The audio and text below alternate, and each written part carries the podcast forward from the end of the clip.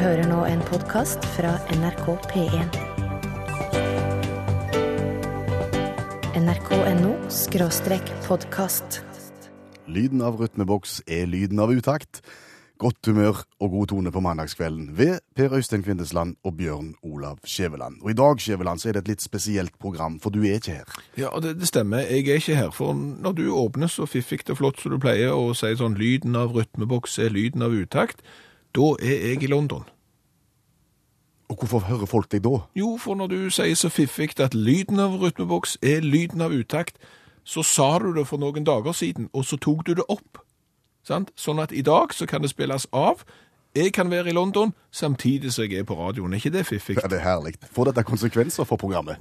Ja, bitte små konsekvenser. For eksempel så, så vil jo ikke vi kunne høre når folk sender SMS. men, men det som kanskje er viktigst, er at når jeg kommer tilbake igjen, så er jeg full av inntrykk fra England, og det kommer utakt til gode. Det vil jeg garantere. Dagens program, jeg forventer at du gir alt selv om du er i London. Yes, sir. NRK P1.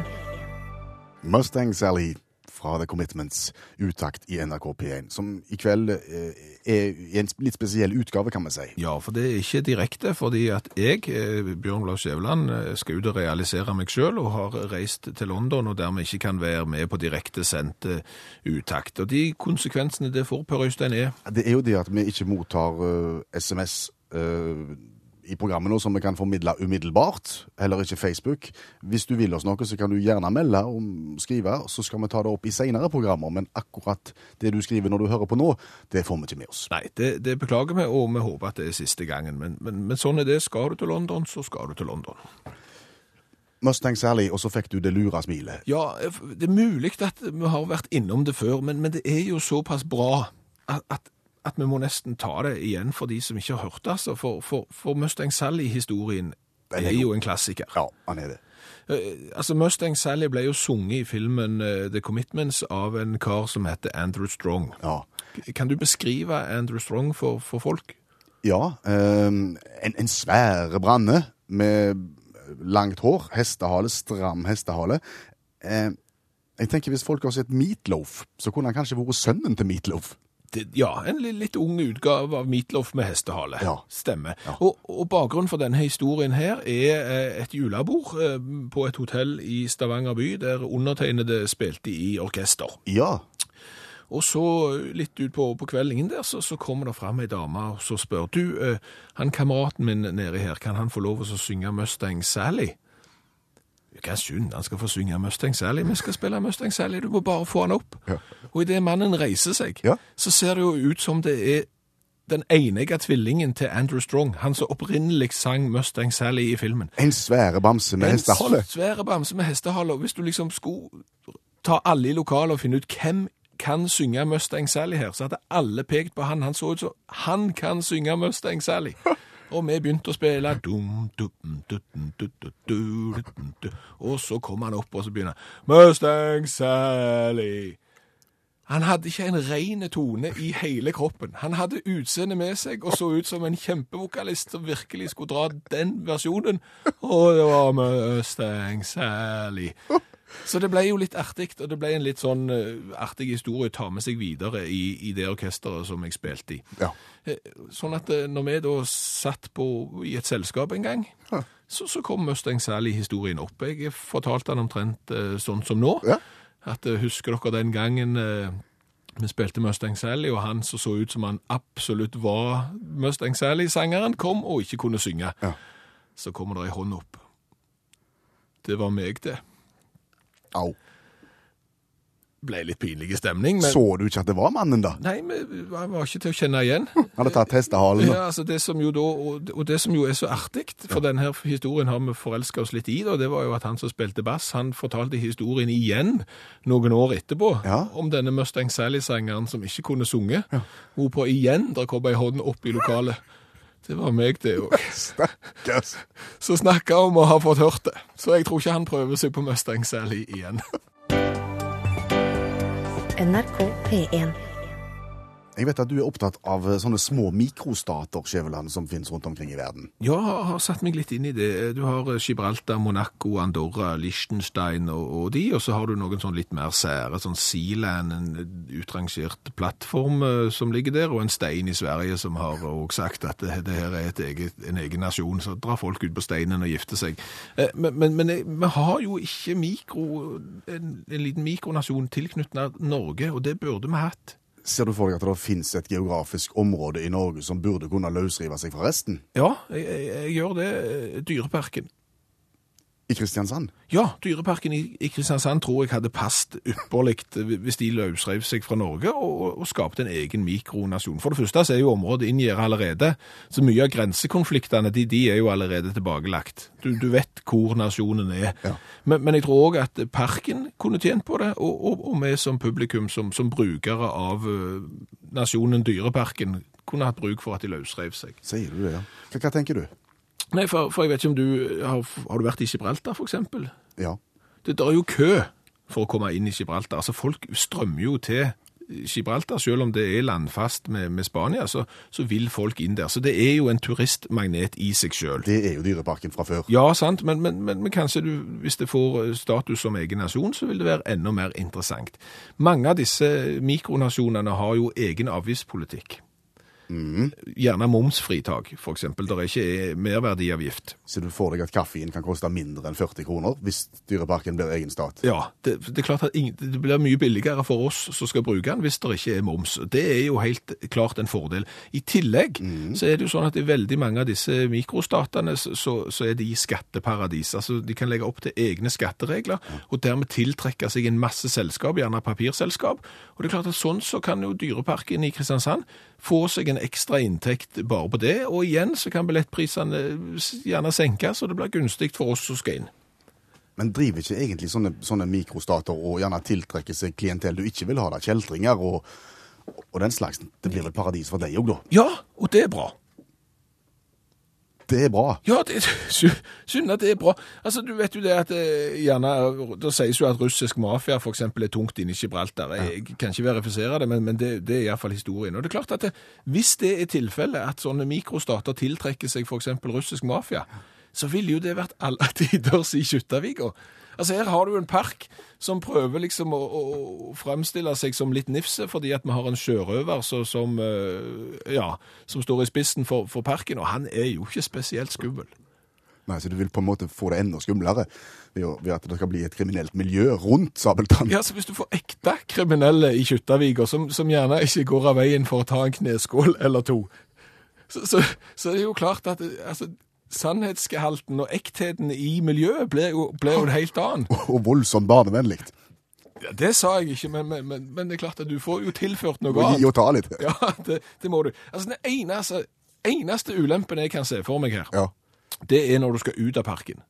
Altså fordi at Det er jo alltid kø når du skal inn i parken. Så enten om du på en måte må vise passet når du skal inn, eller om du må kjøpe billett, det går nesten ut på ett. Men ut, da må jo gjerne Norge sette opp en tollbarriere Ja. fra dyreparken og ut, sånn at folk liksom må, må tolle det de har kjøpt. Og så kommer du der med sverd og hatter og kikkerter og bamser og en masse greier under armene, og så må du gjennom tollen. Ja, og, og så er det vel noen sånn grense på hvor mye du har lov å bruke når du er i utlandet, om det er 6000 eller et eller annet sånt. Og det er klart 6000 kroner rekker jo ikke langt i dyreparken. Nei, det er jo nei. et, det er jo en hatt og, og, et, og en kikkert. Ja.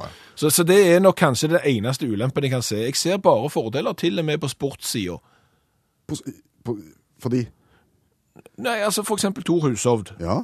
Han, som har bodd lenge, lenge i Frankrike, han bor i Monaco, en mikrostat, og sier likevel Tour de France, det er jo litt spesielt, men, men han, mange idrettsstjerner flytter jo til disse landene av skattemessige årsaker. ah, Så du ser for deg at nå skal de bosette seg i Dyreparken? For eksempel i Kardemomme. e i Gardermoen og danne eget dyreparklag? Ja, og det er klart at hvis, hvis du kommer med de rette skattereglene her, så vil du jo trekke idrettsstjerner fra nær og fjern til Kardemommeby, og tenk deg det landslaget Dyreparken da vil kunne mønstre. Med eget flagg? Ja, de kan gå inn i OL under eget flagg med hodeskalle med, med, med noen sånn bein igjennom, og så har de jo egen nasjonalsang. Og tenk så rørende når eksempel Usain Bolt har flytta til Dyreparken, går opp på seierspallen, legger hånda på hjertet og synger nasjonalsangen. Hiv og hoi, snart er skatten vår. Nå skal vi ta det rolig de neste hundre år. Du hører nå en podkast fra NRK P1. nrk.no skråstrek podkast. Utakt i NRK P1 som i kveld er et opptak, fordi at Skjæveland er i London akkurat når du hører dette programmet. Vi har altså spilt det inn på forhånd og det gjør jo da at vi ikke får svart deg på SMS-er og Facebook underveis i dette programmet her, men bare send inn, så skal vi ta opp tråden neste mandag i stedet for. Ja. Men en forutsetning før du dro, Skjevi, det var jo at du lovte å rapportere fra verdensmetropolen. Ja, og, og det skulle vi løse på, på følgende vis. Jeg skulle sende en rapport inn, eh, tatt i løpet av den helga jeg har tilbrakt i London, og så skulle du klippe det inn i programmet. Det blir jo et fiffig sånn et lite eksperiment og et lite hopp i tid. Ja. Eh, og det har vi tenkt å løse på, på følgende vis. Eh, reporter Bjørn Olav Skjæveland, du er i London akkurat nå. Kan du høre meg? Ja, det gjør jeg, Bjørn Olav. Jeg står faktisk her på eh, Oxford Street, kanskje den travleste gata av alle i London. Og Det som skjer rundt meg her, vil jeg karakterisere som ikke mindre enn oppsiktsvekkende. Det er mye folk, det er trangt om plassen i denne millionbyen eh, London. Og for å få alle folka fra A til Å, så har de gått så langt at de har gravd hull i bakken der togene går under jorda. Folk styrter ned under bakken for å komme seg der de skal. Og de som ikke gjør det, de går om bord i busser med to etasjer. De har måttet bygge én etasje ekstra på bussene for å få plass til alle folka i denne storbyen her. Det som kanskje er det nifseste, og som jeg vil sette fokus på her fra London, det er at det er trafikkfarlig å være her. Alle kjører på feil side av veien, og dere kan jo sjøl tenke dere med alle de millionene som ferdes på de engelske veiene og her i London, som skal kjøre på feil side. Det er klart det vil oppstå farlige situasjoner. Det var Bjørn Olav Skjæveland, Oxford Street, London. nrk.no podkast. I Utakt NRK P1 med det vi kaller godt humør og god tone på mandagskvelden. Ja, og nå er vi kommet til spalten der vi snakker om oppfinnelser. For det har jo vært mange smarte oppfinnelser opp igjennom. Lyspærer og eh, ting. Og Grammofonen. Grammofonen, for eksempel. Europainteren var jo bra. Europainteren. Ja, det var, det var en sånn klosse som du malte med, og så malte du inn feiende flotte fart. Nei, det var ironi. Europainteren var ikke spesielt eh, god.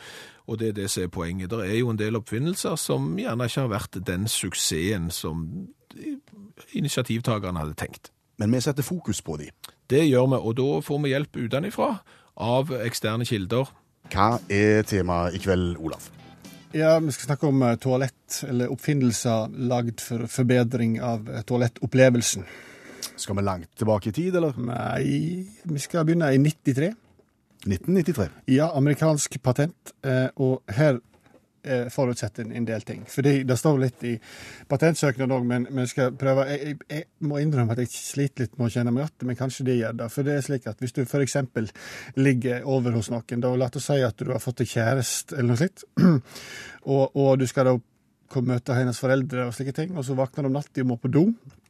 Og så er det mørkt, og så finner ikke du lysbryteren, og så strever du litt, og så kommer, finner du, leiter deg fram til doen, og så, og så, så bommer du, eller. Så blir det pinlige episoder på frokostbordet. Jeg vet ikke om de har opplevd det, opplevd det her, jeg har ikke vært borti det, altså. Men det står som en del av forutsetningen, da, at du skal unngå på en måte pinlige, nattlige Søl. Ja, for eksempel. Ja.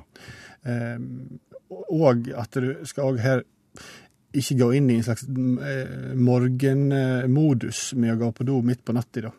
At du må skru på lys og slike ting. Derfor har jeg laga såkalte toalettlandingslys. Um, et, eh, et prinsipp fra sånn som basseng, har jeg sett det? Altså bassenget opplyst nedi og slike ting. Og, Ja, ja, ja, ja. At du rett og slett lager ei stripe inne i toalettskåla, slik at du eh, om natta, når du står opp, ofte hos svigerforeldre du møter for første gang, eh, kan gå på do uten å søle og måtte forklare deg på frokosten. Dette her ble ikke noen suksess, altså. Jeg, Så rart. eh, Ja, merkelig greie, altså. Men det så stilig ut på bildet, da, må jeg si. Ja. Altså, det så ut som en, eh, en slags skrekkfilm, da. Lysfontene, nesten. Ja, på en måte en slags lysfontene. Men, det ble, men dette her ble ikke noen suksess. Men, eh, og, og, og, doen, men det må sies at doen ble mye finere. da. Og det er jo litt av poenget. Doen ser ikke så fine ut, gjør det vel? Nei, ikke spesielt. Nei, Og så har du sisternen, da. Sisternen, hva er det, hva er det i sisternen? Det er vann. Det er vann, ja. Ser det fint ut? Ikke alltid. Nei. Og vi bygger det inn òg fordi at det ser sannsynligvis stygt ut. Eh, og da tenker oppfinnere her, og nå skal vi nesten fram i vår tid, og da tenker oppfinnere hva kan vi gjøre med den sisternen for at den skal se bedre ut? Og da går det ut fra at de har hatt en eh, brainstorming, og så har de tenkt hva er i sisternen? Jo, vann. Hva er i vann? Fisk. Ja, der har du en strålende idé. Du kan jo ha gullfisk oppi der. Det er jo helt topp. Ja. Ja, kjempestilig. Så da rigga de seg til med, i stedet for å ha en eh, sånn porselenssisterne som er vant med, så lagde de akvarium med gullfisk. Mye prøving og feiling i begynnelsen, fordi at en, eh, en sleit litt med å få rett type filter, noe som medførte at det, første kylling så var det litt begrensa med fisk. At. Men, eh, men det gikk seg litt til, da. eh, sant? Og, og gullfisk trenger jo å få skiftet vann. Og her får de skiftet vann titt og ofte. da. Dekorativt, eh, men så kom selvfølgelig alltid de som skal drepe det er så kjekt. Dyrevernerne kom på banen, og um, oppfinnelsen ble trukket. I dass. I dass. Men, men fordelen her er jo at hvis du har hukommelse som en gullfisk, for det er klart at hvis gullfisken skal stå og se på, på luren din hver gang du tisser, så er det jo greit at han har glemt at han har sittet den før. nrk.no podkast. Og da vil vel mange si vi fikk jo aldri anledning til å melde oss på. Nei, for akkurat i dag så er det ingen som har fått lov å melde seg på, for dette er et opptak, og, og den som er trukket ut til å være med i konkurransen, hun meldte seg på sist gang. Jepp. Karen Klypen Vinstra, god kveld. God kveld, ja. Et flott etternavn, du. Klypen. Ja, ikke sant? Det er mange som blir redde, vet du. De blir redde, ja. Klypen. Så du har, du har fått høre det, ja. Det har du. Eh, Har, har du fått hørt konkurransekonseptet i utakt tidligere? Nei, ikke så helt sikker. Kan du ikke gjenta det? Jo. Jo, det virker som følger. Men Det blir tre spørsmål, og alle spørsmålskategoriene er det du, eh, Karen, som velger. Og så får vi i studio finne på et spørsmål innenfor den gitte kategorien eh, etter barneskolehukommelsen vår. Svarer du rett, så får du Svarer du feil, så får du Og uansett hvordan dette går, så får du ei T-skjorte i premie med utaktmotiv og vedhals. Er kon konse konseptet oppfattet, Karen Klybben? Ja, det er det. OK. Da er vi spente. Hva er første kategori du vil bli spurt i? Eh, Jeg kunne godt tenkt meg eh, ordtak. Au. Du vil ha en kategorien ordtak, ja. Da må vi tilbake til norsk hukommelse, Skjæveland. Ja. V- Eh, Det er, det er jo mange av det. Ikke Nei. gå over bekken etter vann og sånn. Det blir for enkelt. Jeg blir litt frista til, til om du kanskje er moden for å, å gå løs på noen litt nyere ordtak. Å prøve. Faktisk litt, egentlig litt selvkonstruert ordtak. Eh, Fullfør følgende ordtak. Eh, Hvis du kan gå på skaren på sankthans, Da er det fan vår. det hadde jeg ikke trodd du skulle klare. Så bra, Karen. Kanon. Det var én av én. Flott. Kjempebra. Ferdig med ordtak. Neste kategori. Eventyr. Eventyr. Jepp. Ja. Mø. Eh, Jeg, jeg, jeg har en. Har du en allerede? Ja. eh, eh, Jeg, jeg tror det. Eh, altså, Brødrene Grim.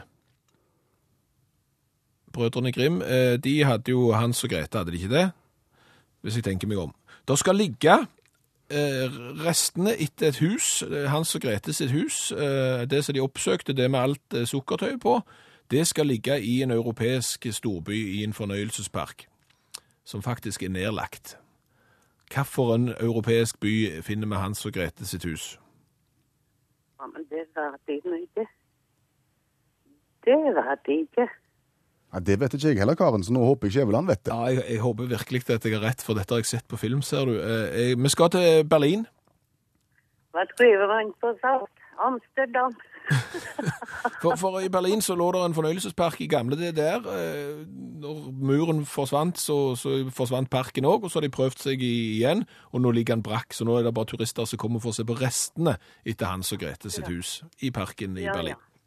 Da har vi lært noe i kveld, Karen. Jeg har lært noe nytt i dag. Ja. Det var eventyrkategorien. Du har én igjen. T-skjorta er fullstendig innen rekkevidde. Supert. Eh, hva skal jeg finne på da, da? Eh, håndarbeid. Ja. Du får ta fram korsting. eh, ja. Dette blir to rett og minst én vrang, tenker jeg. Vi ser håndarbeid, ja. Eh, vi skulle ikke funnet på noe verktøy der, da. Kunne vi gjort det? Håndarbeidsverktøy. Vi hadde jo en, en serie tidligere i Utakt hvor vi tok for oss ulike former for verktøy. Kunne vi hente noe der? Ja, altså hvis du, hvis du er Ja, Da tror jeg du tar håndarbeidet litt langt, men det kan vi kanskje gjøre. Ja, håndarbeid er håndarbeid. Bruk det. prøve, da. Eh, Kne knepporten. Hæ? Hvordan ser en knepport ut? Og hva, hva brukes den til? En knepport? Kneppert. Kneppert. Det er noe jakke, det. Er det, er det jakke?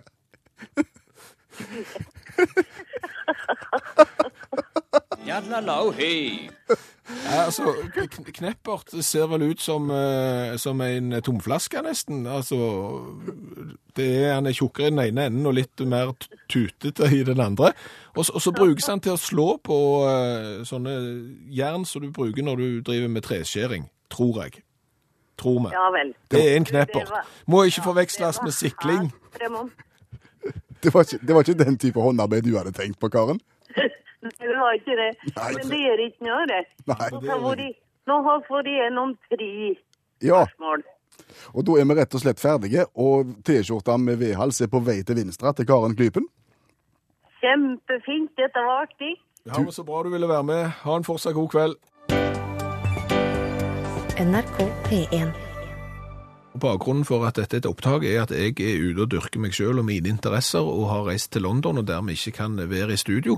Og det har jeg fått lov til på en eneste betingelse. Jepp. Du lovte å rapportere fra verdensby verdensbyen, sånn at jeg kunne få de rapportene inn i løpet av helga og klippe de inn i programmet. Så når folk hører programmet akkurat nå, så får vi de med. Ja, og dette har vi gjort såpass fiffig at eh, jeg setter over til meg selv. Og, og Bjørn Olav Skjæveland, eh, du er fremdeles i verdensmetropolen?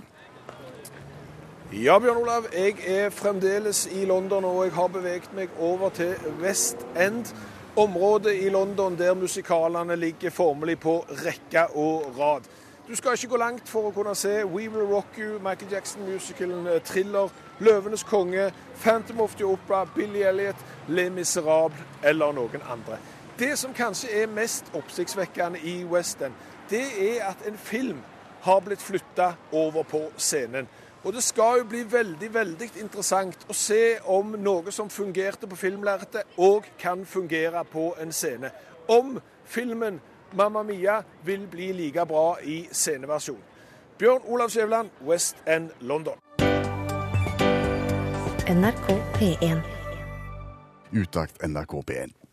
Ja, og nå eh, har vi fått Fantomet inn i studio. Ja, selveste Fantomet i form av et blad. Ja, eh, Prestens by, eh, historien om det sjette fantomet som finner svarthansken og, og tar hevn. Eh, Nummer 16, uke 31, 1985 er dette fantomet ifra. Hvor fant du det?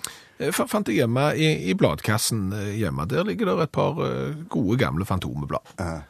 Hva skal vi gjøre med et Fantomeblad fra 1985? Ofte tenkt på at det kunne være artig å, å, å se hvordan forlaget responderer hvis du bruker noen av de der tingene som er inne i bladet litt lenge etterpå. Altså, det vi har tenkt er å fylle ut en svarkupong som er bak på Fantomet fra 1985, sende det til forlaget og se hvordan de reagerer. Hva er det vi kan få oss? Eh, Vi kan få Fantomets nærradio på kassett. Vi kan bestille Fantomet-kassetten til 49 kroner og 50 øre. Eh, Det er da Fantomets nærradio med annet Tom Mathisen, Erling Bonde og gjest Herodes Falsk. Der er da eh, originalmusikk, disko og sketsjer og mye moro på Fantomets nærradio. Ja, for 27 år siden. Ja. Det er mulig de er godt utsolgt for lager, men vi vet jo aldri. Nei, vi vet jo ikke det, og det er jo det som er artig. Hvordan vil eh, Jeg vet jo ikke om forlaget eksisterer engang, men det blir jo spennende å se. Vi sender det iallfall av gårde til de som i 1985 hadde ansvar for Fantomets nærradio, så ser vi om det kan være kassett på lager, eller om vi får et høflig svar tilbake igjen. Følg med! NRK.no podkast. Utakt NRK P1. Ja, og nå eh, har vi fått Fantomet inn i studio. Ja, selveste Fantomet i form av et blad. Ja, eh, Prestens by, eh, historien om det sjette Fantomet som finner svarthansken og, og tar hevn. Eh, Nummer 16, uke 31, 1985 er dette Fantomet ifra. Hvor fant du det? Eh, fa- fant jeg hjemme i, i bladkassen eh, hjemme. Der ligger det et par eh, gode gamle Fantomeblad. Hva skal vi gjøre med et Fantomeblad fra 1985? Ofte tenkt på at det kunne være artig å, å, å se hvordan forlaget responderer hvis du bruker noen av de der tingene som er inne i bladet litt lenge etterpå. Altså, det vi har tenkt er å fylle ut en svarkupong som er bak på Fantomet fra 1985, sende det til forlaget og se hvordan de reagerer. Hva er det vi kan få oss? Eh, Vi kan få Fantomets nærradio på kassett. Vi kan bestille Fantomet-kassetten til 49 kroner og 50 øre. Eh, Det er da Fantomets nærradio med annet Tom Mathisen, Erling Bonde og gjest Herodes Falsk. Der er da eh, originalmusikk, disko og sketsjer og mye moro på Fantomets nærradio. Ja, for 27 år siden. Ja. Det er mulig de er godt utsolgt for lager, men vi vet jo aldri. Nei, vi vet jo ikke det, og det er jo det som er artig. Hvordan vil eh, Jeg vet jo ikke om forlaget eksisterer engang, men det blir jo spennende å se. Vi sender det iallfall av gårde til de som i 1985 hadde ansvar for Fantomets nærradio, så ser vi om det kan være kassett på lager, eller om vi får et høflig svar tilbake igjen. Følg med. Du hører nå en podkast fra NRK P1. nrk.no podkast. I programmet Utakt NRK P1, hvor vi nå har kommet fram til programposten er fram og tilbake like langt språklig sett. Ja, og nå trenger ingen sende inn SMS eller gå inn på Facebook-sida og skrive at nei, fram og tilbake er dobbelt så langt. Det, det er ikke det det handler om, for nå er vi rett og slett litt matematisk språklig til verks. For tenk deg at du tar to ganger to, så får du fire. Tar du fire og deler på to, så får du to.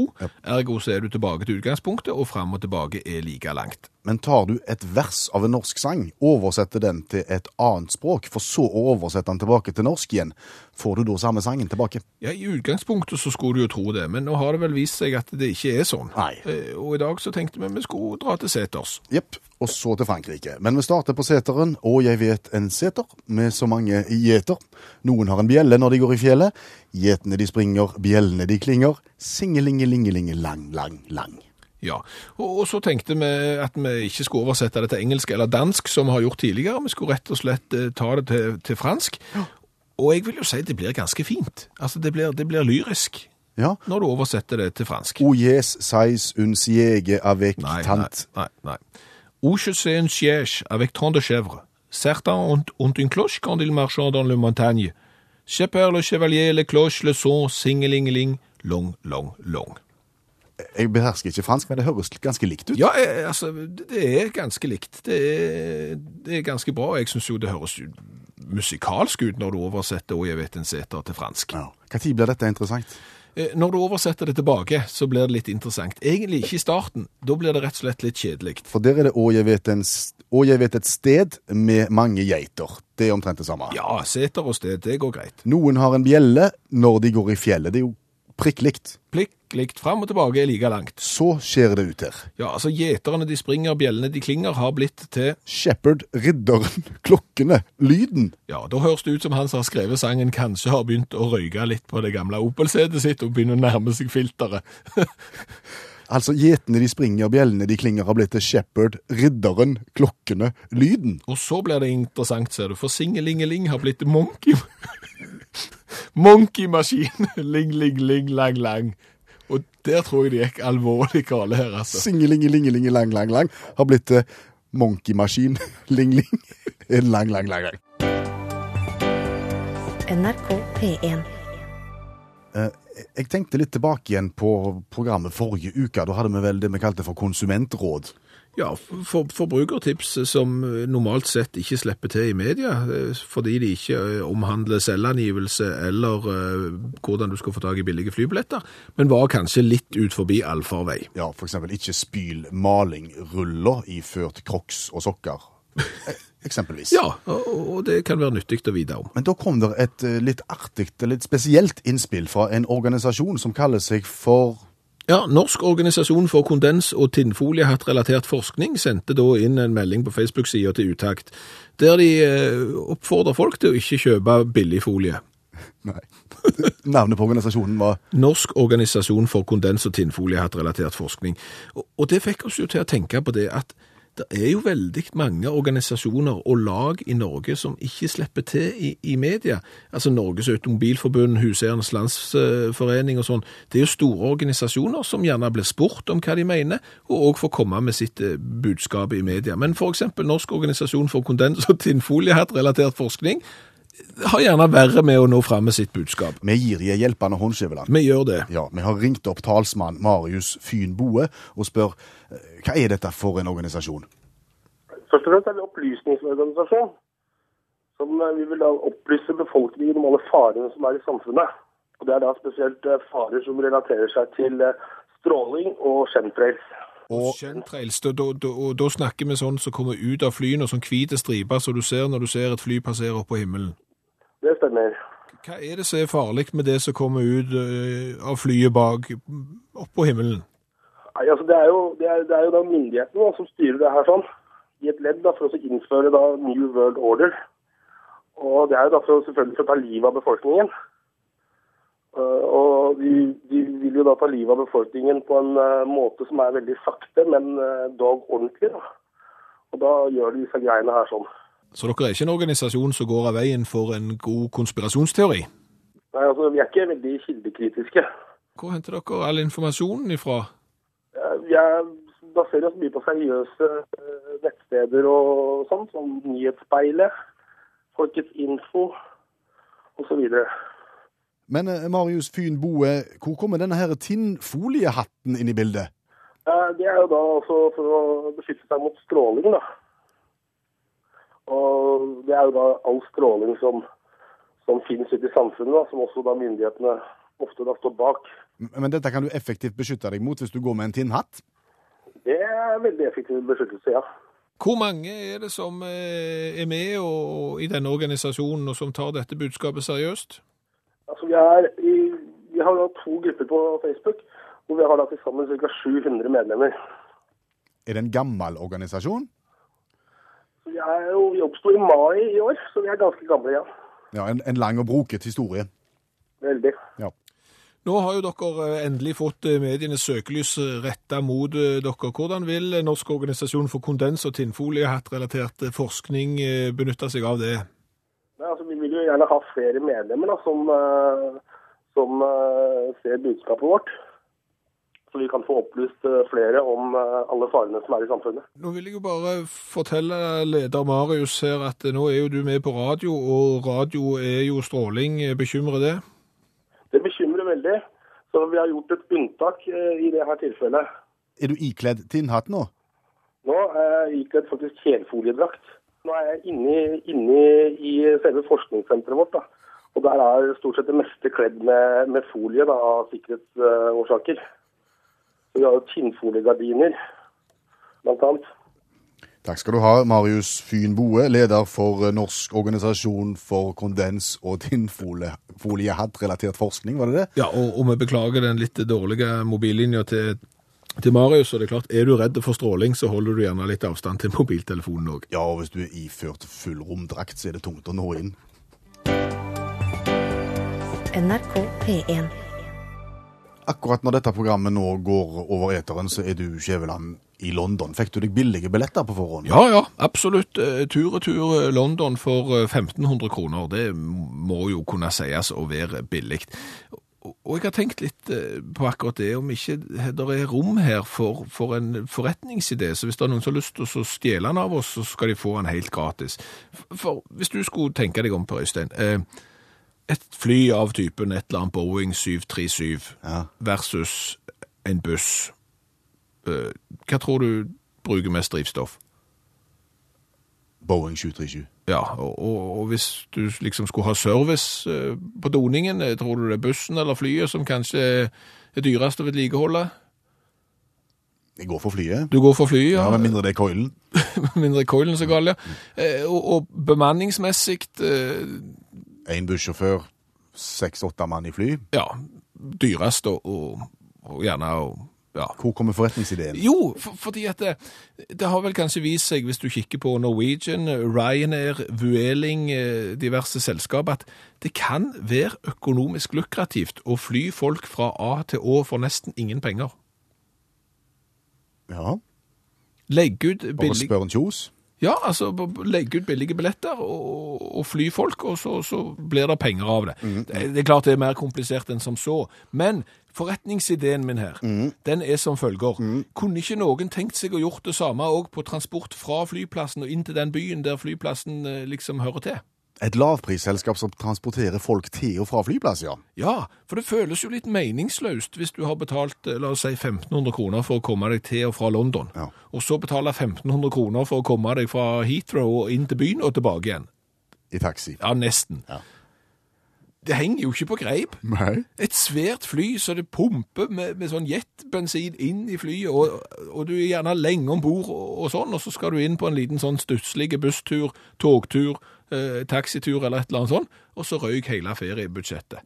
Der tror jeg det ligger en forretningsidé. Lavpristransport på hjul. Ja.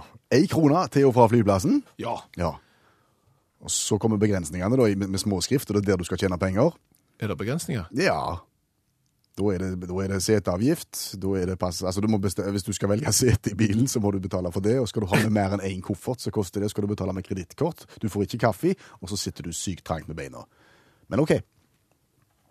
Nå synes jeg du ødela noe som i utgangspunktet virka veldig positivt, og så gjorde du det til noe negativt. Jeg tror du skal jobbe videre med dette, men ring han Kjos.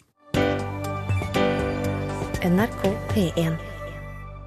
Tidligere i programmet så hadde vi som vanlig med oss allmennlærer med tovektig musikk Olav Hove, som snakket om ulike oppfinnelser tilknyttet toalettet. Ja, og, og, og- det passet jo for så vidt eh, relativt godt, for nå har jeg hatt en toalettopplevelse eh, som jeg gjerne vil, vil dele med, med folk. Mens Destiny's Child så var Skjæveland ute og lot vannet, for å si det sånn. Ja, så, da, måtte jeg springe ut. Og det som er, Ja. det er jo at toalett rundt omkring i verden er jo utformet på ulikt vis. Ja. Men, men det er jo relativt enkle mekanismer som, som spiller inn. Det er sånn at for eksempel ofte så er eh, pissoaren, det er en åpen løsning, Ja. sant? Og, og avtredet, det andre, porselensaktige, der er det dør og lås. Yep. Her hos oss, der vi jobber, Ja. Der er det et hjørne der eh, hvis du går inn, så kommer du først til et enkelt eh, pissoar, Ja. og så er det ei dør til Ja. inn forbi den, Ja. der du kommer inn til porselenet, der du kan sitte hvis du sokner til, til den slags. Men du kan også låse døra bak deg til pissoaren, kan du ikke det? Jo, det er to dører, og begge kan låses, og, og det er jo her det kommer, problemet kommer inn, altså her, her må du ha et avklart forhold, og nå har jeg lært. Hva skjedde? Nei, altså, jeg gikk jo inn for, for jeg skulle bare tisse ganske kjapt. Så jeg gikk inn, låste døra til, til do, pissoaren, og, og begynte å, å, å strø. Så skjedde følgende. Ja, da gikk døra opp, den inn forbi. For da satt det en inne, inne på porselenet og, og hadde gjort fra seg der inne. Så, så kom han ut i foajeen til deg, på en måte. Ja, og der sto jo jeg og gjorde mitt. Og én ting er hvis du jeg tenk, Altså, folk er jo vant, mannfolk er jo vant gjerne med å stå og tisse ved siden av hverandre. Ja. Men da er du på en måte ute i samme æren. sant? Alle er fokuserte på sin egen arbeidsoppgave. Her kom det en som var ferdig med sitt. Ja, og som ikke kunne gå og låse opp den døra som jeg hadde låst, fordi at det, da vil jo den være åpen til allmenn beskuelse for, for de andre på, på kontoret. Ok, nå er jeg ikke så mange når klokka er så sent, men Så han, så, ja, så dermed så må han stå og vente på at jeg skal bli ferdig. Ja. Og det blir litt klemt. på en måte. For, for han er jo ferdig med sitt, og jeg har, jeg har fokus på mine arbeidsoppgaver, og han òg har fokus på mine arbeidsoppgaver. Ble Det ikke det sagt noe? Nei, det var pinlig stilt. Så jeg vil foreslå at eh, hvis du skal besøke vårt kontor her oppe, og, og skal gå inn på, på sitteporselenen, så låser du den ytterste døra den til, til um, pissoaren, så unngår du det problemet der. NRK P1. Vi fikk inn en melding etter forrige program, noen dager etter forrige program, Skjæveland, som, som, som fikk oss til å tenke har vi evner vi ikke visste vi hadde? Ja, for, for eh, Arne Magne sendte inn en Facebook-melding som, som var som følger. Altså skjebnens ironi.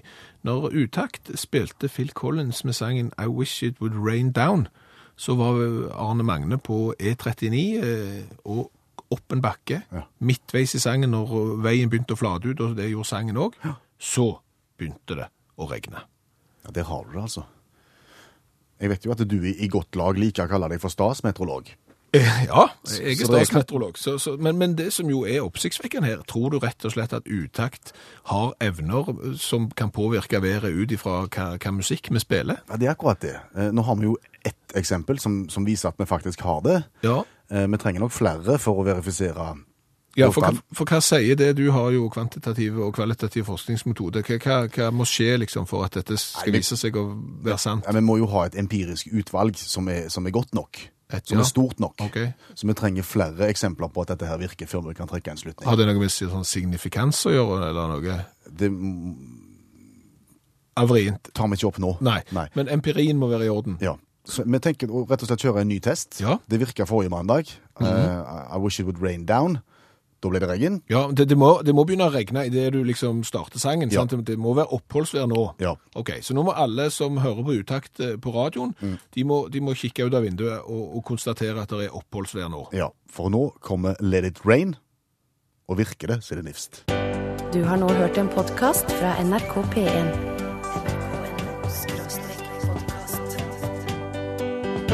Hent flere podkaster fra NRK på nettsiden nrk.no podkast.